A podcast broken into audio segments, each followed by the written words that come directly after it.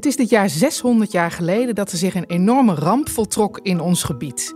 De Sint-Elisabethsvloed. Tijdens een hevige storm stroomde het water binnen en vaagde talloze dorpen weg. In de tentoonstelling van Biesbos Museumeiland in Werkendam wordt pijnlijk duidelijk wat voor impact deze overstroming moet hebben gehad op de gewone mensen in 1421. Conservator Alfons van Bokhorst kan hier alles over vertellen. Alfons. Goedemorgen. Leuk, leuk om hier te zijn. Ja, vind ik ook. Ja. Eh, kun je ons meenemen naar 19 november 1421? Wat gebeurde er die nacht? Nou, die nacht was er een, eh, een, een, een flinke zuidwestenstorm. En eh, die zorgde ervoor dat de dijken doorbraken van de grote of Zuid-Hollandse Waard. Daardoor begon die, die grote Hollandse Waard vol te lopen met water. Eh, overigens is dat niet in één nacht gebeurd, maar eh, dat heeft toch wel weken geduurd voordat die hele waard eh, onder water stond. Op sommige plekken veel water, op andere plekken wat minder water. Het feit dat daar honderdduizend mensen bij verdronken zijn, dat is, dat is een fabeltje. Eh, er woonden ongeveer 10.000 tot 15.000 mensen in die grote waard. Dus 100.000 kunnen er nooit verdronken zijn. Nee, dat lijkt me ook niet. Eh, maar het was zeker een, een, een economisch was het een enorme ramp, omdat dat de graanschuur van, eh, van Nederland was. Ja. En dat betekende dus dat ja, waar water staat, kun je niet meer boeren. Nee, want hoe leefden mensen rond die tijd? Ja, mensen leven sober, eh, eh, waren, waren harde werkers. En eh, in dat gebied ja, werd enorm veel aan, aan graan en groenten verbouwd. Ze waren in die tijd ook niet zo bezig met het, met het onderhouden van de dijken en, en, en dat soort toestanden. Nee, want waren die mensen weerbaar? Hadden ze stevige huizen, boten, voorraad? Nou, ze hadden meestal wel ja, bootjes en dat soort dingen. Dat, dat, dat lag natuurlijk overal wel. Een, eh, ze overal wel. Eh, de huizen waren wel uit grote eh, stenen opgebouwd over het algemeen.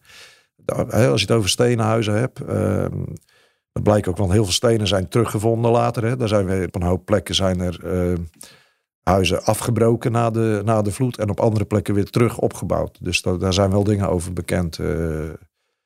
Eh. En ja, weet je, en mensen waren gewoon eh, in die zin weerbaar. Eh, als je niet kan boeren, dan ga je gewoon vissen. Ja, je, je, je pas je aan aan de omstandigheden. Dat is wat Nederlanders altijd gedaan hebben door de jaren heen. en waren ze ook gezond, die mensen? Ja, ik denk, ziektes zijn van alle tijden. hè. Dat, eh, dat zien we nu ook. Ik denk dat ze, dat ze vroeg oud waren door het harde werk. Dat is waarschijnlijk de reden waarom wij nu ouder worden. Ja. Dus ja, ik denk wel dat ze gezond waren. Ja. ja. Eh, en je zei eh 10.000 tot 15.000 mensen woonden daar. In de, in de hele In- grote waard ja. waren ongeveer 10.000 tot 15.000 mensen, schat men. Ja. En, en weten we hoeveel er zijn omgekomen? Nou, de Tielse Kroniek spreekt in 1450 van, eh, dan zou ik, zou ik het netjes voor moeten lezen. 2000 mensen zijn, naar men zegt, verdronken. Dus, en bovendien gold dat getal voor heel Zuidwest-Nederland en niet eens alleen voor die grote waard. Dus eh, dat is nogal een verschil met 100.000. Ja, ja. ja. Maar toch wel een heleboel mensen. Ja, maar vorig jaar eh, zijn er twee mannen van de TU in Delft geweest. En die hebben berekend wat er gebeurd kan zijn. Die hebben eh, rekenmodellen gemaakt van, van alle waarschijnlijke, dus de doorbraken, en hoe dat water heeft moeten lopen. En Mhm. Die gaan ervan uit dat er misschien maar 10, 20 mensen zijn verdronken. Aha. Waarschijnlijk niet meer mensen hebben kunnen zijn. Ah. Dus dat is wel heel bijzonder. Ja. Eh, En, en komt dat ook in de expositie naar Ja, voren? dat komt in ja. de expositie zeker terug. Ja, Ja. absoluut. Ja. Wauw. Ja. ja. En wat deed het in de samenleving, die Sint-Elisabethsvloed? Maar ja, die samenleving die lag natuurlijk ineens op zijn gat. Want overal waar die boeren aan het werk waren, daar, eh, ja, daar konden ze nu niet meer eh, boeren. Eh, dus dat werd eh, al snel vissen. Mhm. Eh, als je niet kan boeren, ga maar vissen. Eh, dat bracht weer nieuwe problemen met zich mee. Want van het land wist iedereen wel van wie het was. Maar van het water was, waren ze natuurlijk al gauw vergeten. Van, ja, van wie is dat nou, dat water eigenlijk? Hè? Dat stroomt voorbij. En, eh, Ja. van wie is dat nou? Want eh, als er goed gevist wordt, dan, dan moeten er natuurlijk ook belastingen betaald worden op visrechten. Ja. Dus dat werd, daarna werd het ruzie om, om van wie is dat water nu, eh, nu eigenlijk? Is dat van Dordrecht of is dat van Geertruidenberg? En Ah. ja, Kwamen ze daaruit? Ja, daar kwamen ze op de, op de duur wel uit. Want er zijn ehm, de, de loop van de. Uh, ze hebben op, dat is wel in 1560 geloof ik pas. Uh, is er sowieso één kaart gemaakt in uh, opdracht van, de, van Dordrecht, zeg maar. en die is gemaakt door Pieter Sluiter. Waarop Geertruidenberg natuurlijk, de andere kant, kreeg ook een kaart liet maken. En die kaarten die kwamen, die kwamen gewoon overeen. Die kon je bijna over elkaar heen leggen. Dus, dus dat was wel, daar, kwamen ze, daar kwamen ze wel uit, inderdaad. Hoe dat Netjes. zat. En um, er ontstond natuurlijk ook een heel nieuw uh, natuurgebied hè, met getijden, toch?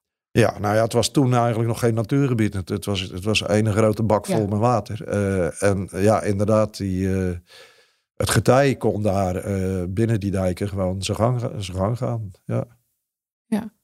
En um, moesten mensen zich daar opnieuw weer tegen leren beschermen, tegen dat ja, nou ja, kijk, eh, wat mensen deden was, uh, ze pakten de spulletjes op en ze verhuisden naar hoger gelegen gebieden. In het westen van het gebied hebben waarschijnlijk maar misschien een decimeter water gestaan of zo. En in het oosten, daar zijn wel degelijk een paar dorpen verslonden door het water. Mm -hmm. Dan gaat dat water op de duur ook weer zakken natuurlijk. Hè. Als de, de storm is voorbij, dan wordt het allemaal wel weer wat minder. Uh, maar ja, wat ik al zeg, ze, ze pakten de boel op en ze gingen een stukje hoger wonen en werken. Ja. Dus ze waren wel uh, flexibel. Ja, waren flex, mensen waren flexibel. Ja. ja. En uh, Alfons, wat is nou echt een voorwerp of ambacht dat nooit was ontstaan zonder die Sint-Elisabethsvloed? Nou ja, zonder die Sint-Elisabethsvloed was de Biesbos niet ontstaan zoals wij hem kennen. En de, in die Biesbos, daar, het woord zegt het al, daar kwamen natuurlijk eerst uh, bij de eerste verlanding kwamen daar biezen te staan. En uh, gingen mensen dus biezen snijden om matjes van te maken en uh, dat soort dingen. toen er wat meer land kwam, dat het wat hoger kwam, gingen de biezen weg en kwam een riet op te staan. Dus de rietsnijder kwam eruit. En een direct gevolg daarvan is weer dat bij nog meer verlanding, dat die grindwerker, dus dat er wilgen geteeld worden en geoogst. Ja. En dat was in principe niet ontstaan zonder. Maar de visserij was op die plek ook niet ontstaan, natuurlijk, als het niet zo'n enorme bak vol met water geworden was. Ja, ja. ja mooi.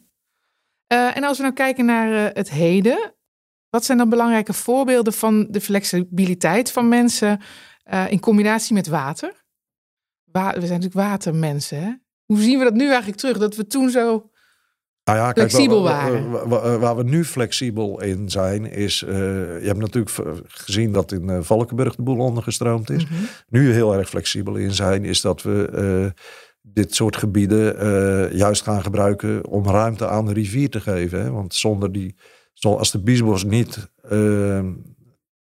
als bufferzone aangemerkt was, dan was er waarschijnlijk nog veel meer gebeurd ja. dan wat er nu gebeurd is. Ja, ze hebben het kunnen. Dus dat stukje flexibiliteit waar we nu weer door het, zeg maar het meewerken met het water in plaats van een keihard tegen te vechten door, door die dijken op te hogen en zo. Ja. Uh, zeggen we nu van we laten hele gebieden gewoon blank lopen om, om eventjes als buffer te dienen totdat het afgevoerd kan worden naar zee. Heb je zelf nog iets toe te voegen, Alfons? Je zegt, nou dat is nog niet gezegd. Nou, wat ik eigenlijk leuk vind is, uh, we, gaan, nu, we doen 600 jaar Sint Elisabeths uh, vloed herdenken. Eigenlijk doen wij, wij als museum, doen wij dat natuurlijk al, die 600 jaar doen wij dat eigenlijk al. Hè? We gaan nu, er komt een wisseltentoonstelling, maar eigenlijk zouden we die helemaal niet nodig hebben. Want ons museum vertelt al wat er gedurende die 600 jaar uh, gebeurd is in de Biesbos. En, en, met een blik naar de toekomst. En die expositie die wijzigt ook telkens wel. Omdat je door de jaren heen dat er nieuwe ontwikkelingen zijn. Zeker op gebied, eh, als je kijkt naar Rijkswaterstaat en dat soort organisaties. die hebben ook bij, bij ons een deel van de tentoonstelling in gebruik. Dus dat blijft interessant, dat, dat vechten tegen dat water. Dat, dat, dat meewerken aan het, met het water. ja. Dat lieten jullie altijd al zien. Ja, ja, ja dus, dus eigenlijk is 600 jaar voor ons uh, niks anders dan andere jaren, als 599 jaar. Ja. Uh, maar we gaan wel een, een, een wisseltentoonstelling maken die interessant is in die zin dat die bestaat uit drie delen. Het eerste deel vertelt de geschiedenis, de fabels, zeg maar. Hè, van, en dan terugrekenend naar die eigenlijk maar een paar slachtoffers in plaats van honderdduizend. Ja. Uh, natuurlijk komt Beatrice aan de orde, hè, het, het, kindje in het wiegje. Dat, ja, waar ook niet iedereen van gelooft dat dat nou wel helemaal conform de waarheid is. Het tweede stuk van onze tentoonstelling gaat over ervaringen van andere mensen die zij hebben met water. Hè. Dus dat, er zit onder andere een interview met Melanie Schultz zit daarbij. En het derde gedeelte, uh, dat gaat over alles waar Rijkswaterstaat eigenlijk nu mee bezig is met het hoogwaterbeschermingsplan. heel volledig dus. Ja, heel ja. volledig. Ja, dat hopen we, hopen we te doen inderdaad. Ja. Klinkt heel goed. Heel erg bedankt Alfons. En we gaan zeker kijken. Nou, dankjewel en veel plezier verder met luisteren naar de podcast. Dankjewel. Deze podcast is gemaakt in het kader van het herdenkingsjaar 600 jaar Sint-Elisabethsvloed, in opdracht van de provincies Zuid-Holland en Noord-Brabant, gemeente Dordrecht en Dordrecht Marketing en Partners. Kijk voor meer informatie op www.600jaarelisabethsvloed.nl.